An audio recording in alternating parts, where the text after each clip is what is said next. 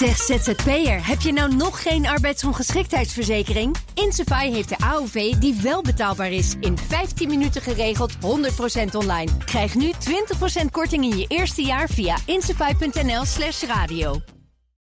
Studio Den Haag.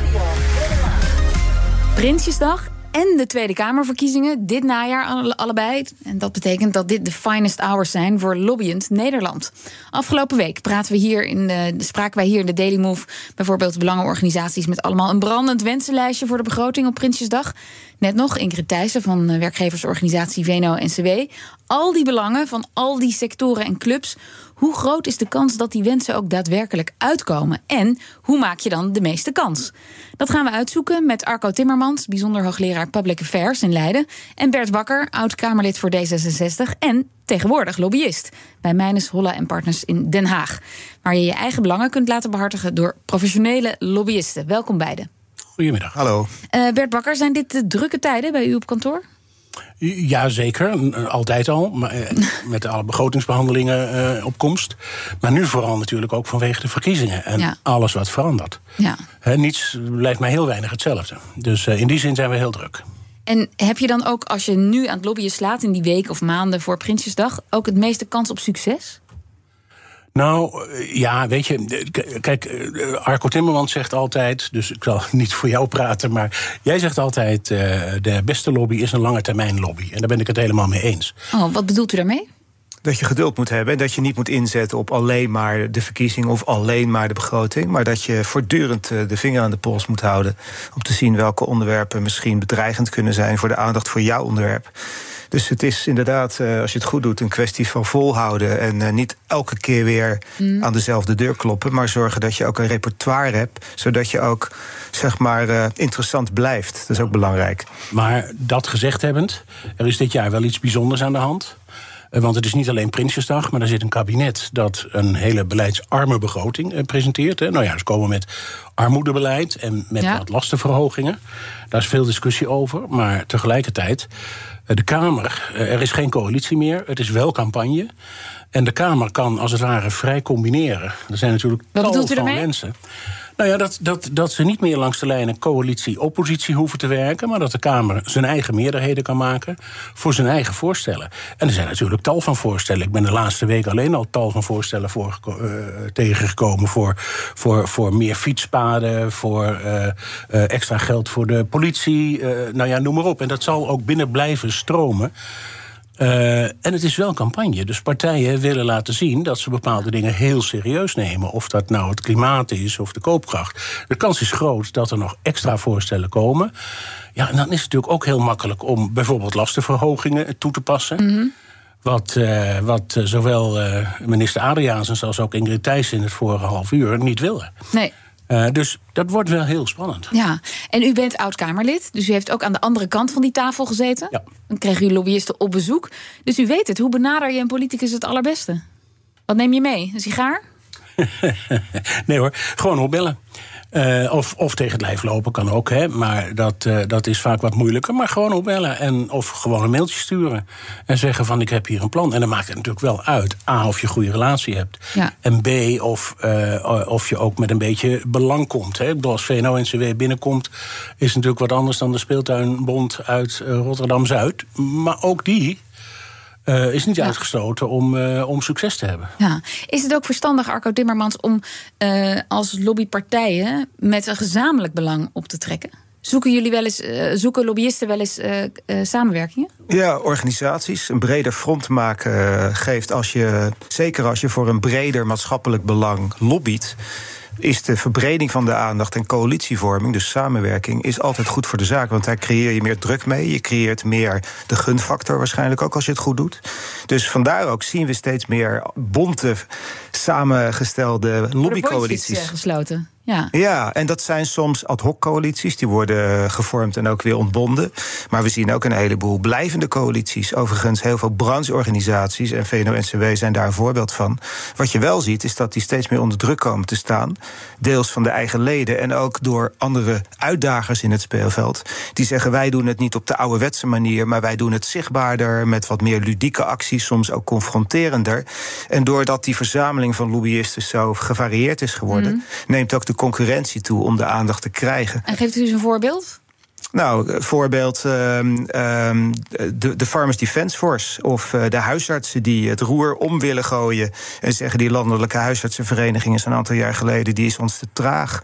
Of kijk naar hele andere terrein, de Nederlandse Vereniging van Makelaars, waar uh, muitende leden vinden dat die, uh, die NVM te, te veel Ja, met commerciële dus die gaan doelen dan zelf bezig de is. straat op of die gaan eh, protesteren? Ja, of, soms zichtbaar, soms minder zichtbaar. En, ehm, en die uitdagers die hebben best wel ruimte gekregen of genomen op het speelveld. En dat maakt het spel, met al die politieke onzekerheid, nog veel turbulenter eigenlijk eh, dan het een aantal jaar geleden was. Ja, en, en Bert Bakker, ja, het zijn bijzondere tijden. Want er zijn ook heel veel politiek verlaters, vertrekkende Kamerleden. Ja. wie, moet je, wie kun je uit je adressenboek schrappen? En wie moet je opnieuw gaan ke- leren kennen?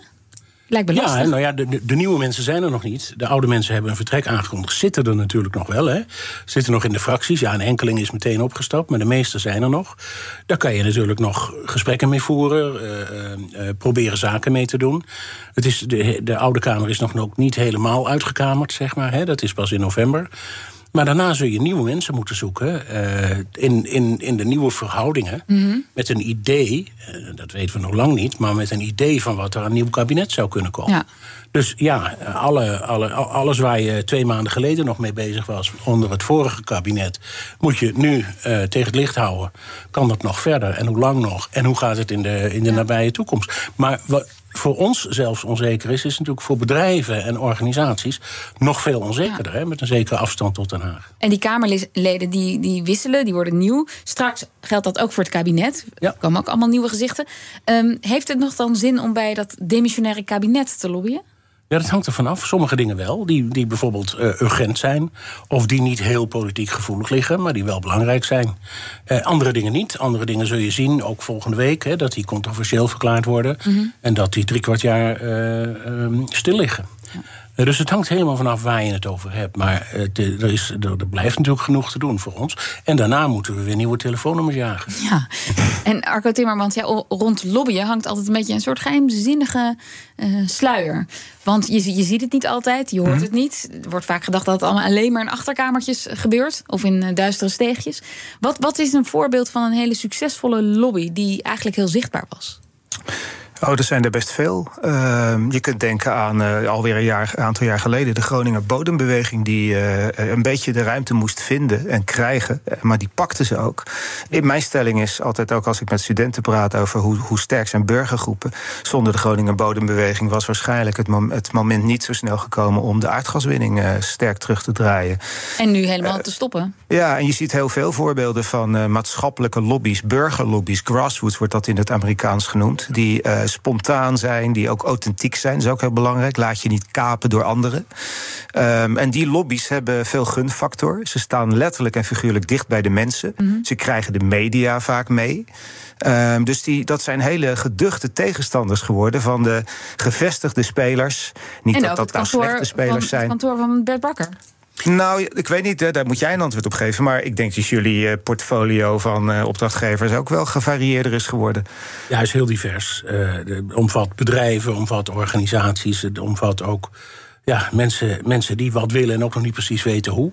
En dan proberen we zo goed mogelijk aan tegemoet te komen. Maar ik ben het verder helemaal eens. Je hebt het ook gezien met, met leraren die zeiden: ja, die onderwijsbonden die eh, realiseren weinig voor ons. Wij willen meer loon, wij willen meer salaris. Dus we gaan zelf naar het Malieveld. Verpleegkundigen enzovoort, die gaan zelf naar het Malieveld. Dus ja, dat is een hele, hele dynamische eh, omgeving. En ja, natuurlijk, daar moeten eh, bedrijven en ook ouderwetse of nieuwe organisaties zich toe verhouden. Ja, maar u heeft contacten, hè? U heeft een, eh, een, een telefoon met allemaal telefoonnummers. En collega's, die hebben dat ook. Zeker. Ja, ja. Eh, en ook uw concurrenten, die hebben dat ook. Zo is het. Maar er, dan is het makkelijk om even af te spreken. En in Den Haag allemaal op de vierkante kilometer elkaar even te treffen.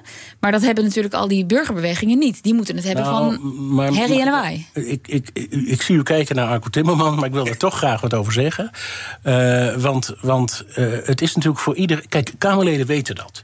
En die weten, ja, die bakker die kan ons makkelijk bellen, want die loopt hier in Den Haag rond. Maar het zijn volksvertegenwoordigers en die weten dat ze ook moeten luisteren naar mensen uit Groningen of elders. Mhm. eh, die zich via de mail of via de telefoon of via wat dan ook melden. Gebeurt ook soms via partijen bijvoorbeeld. Dus er zijn heel veel wegen. En het is ieders goed recht om zich te laten horen. En vervolgens zijn het de volksvertegenwoordigers, de Kamerleden. En, en Die moeten dus filteren. Die moeten filteren. Die kiezen hun eigen eh, belangrijke lobby's, eh, die voor hen belangrijk Ja. zijn. Eh, en, en, en anderen laten ze een beetje links liggen. Maar dan zijn er hopelijk weer andere Kamerleden die dat oppakken. En, en loopt u dan wel eens een blauwtje? Tuurlijk. En, en ik denk dat iedereen wel eens een blauwtje loopt in dat opzicht.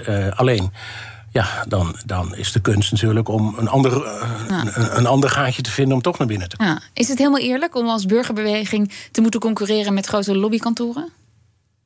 Mm, Of met grote bedrijven misschien, eh, of andere grote organisaties. Ja, eerlijk, eh, ik ben blij dat het gebeurt. En dat betekent niet dat het een strijd moet zijn. Maar ehm, eh, het- de makke in Nederland is dat we eigenlijk heel weinig oog hebben voor hoe wij het speelveld op een eerlijke manier laten lopen zoals het is, bewaken. Dat we daar niet alleen spelregels voor bedenken, dat is een heel verhaal over lobbyregels, maar ook over hoe ambtenaren, Kamerleden, maar ook heel veel ambtenaren dus, en ook bewindspersonen op alle niveaus van bestuur, hoe die omgaan met belangenorganisaties van allerlei snit. En dat is allemaal nog een beetje onwennig. Ja. Ehm, en dat is jammer, want daarmee ontstaat het risico van scheefgroei. Dat sommige spelers altijd op de koffie komen. Er zijn ook lijstjes van te zien. Wie zijn het meest eh, bij de ministeries aanwezig? Ja, Ja, dat is wel transparant, toch?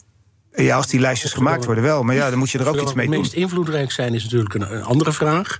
Dat is die ook, ja. grassroots organisaties die winnen ook heel snel de sympathie Mhm. van media, maar ook van politici. Ja, zeker. Dus, Ja. dus, eh, dus het is niet, eh, de uitkomst is wat dat betreft niet gegeven. En dat maakt het vak ook spannend. Dank jullie wel. Arco Timmermans, bijzonder hoogleraar Public Affairs. En Bert Bakker, oud D66-Kamerlid en tegenwoordig lobbyist.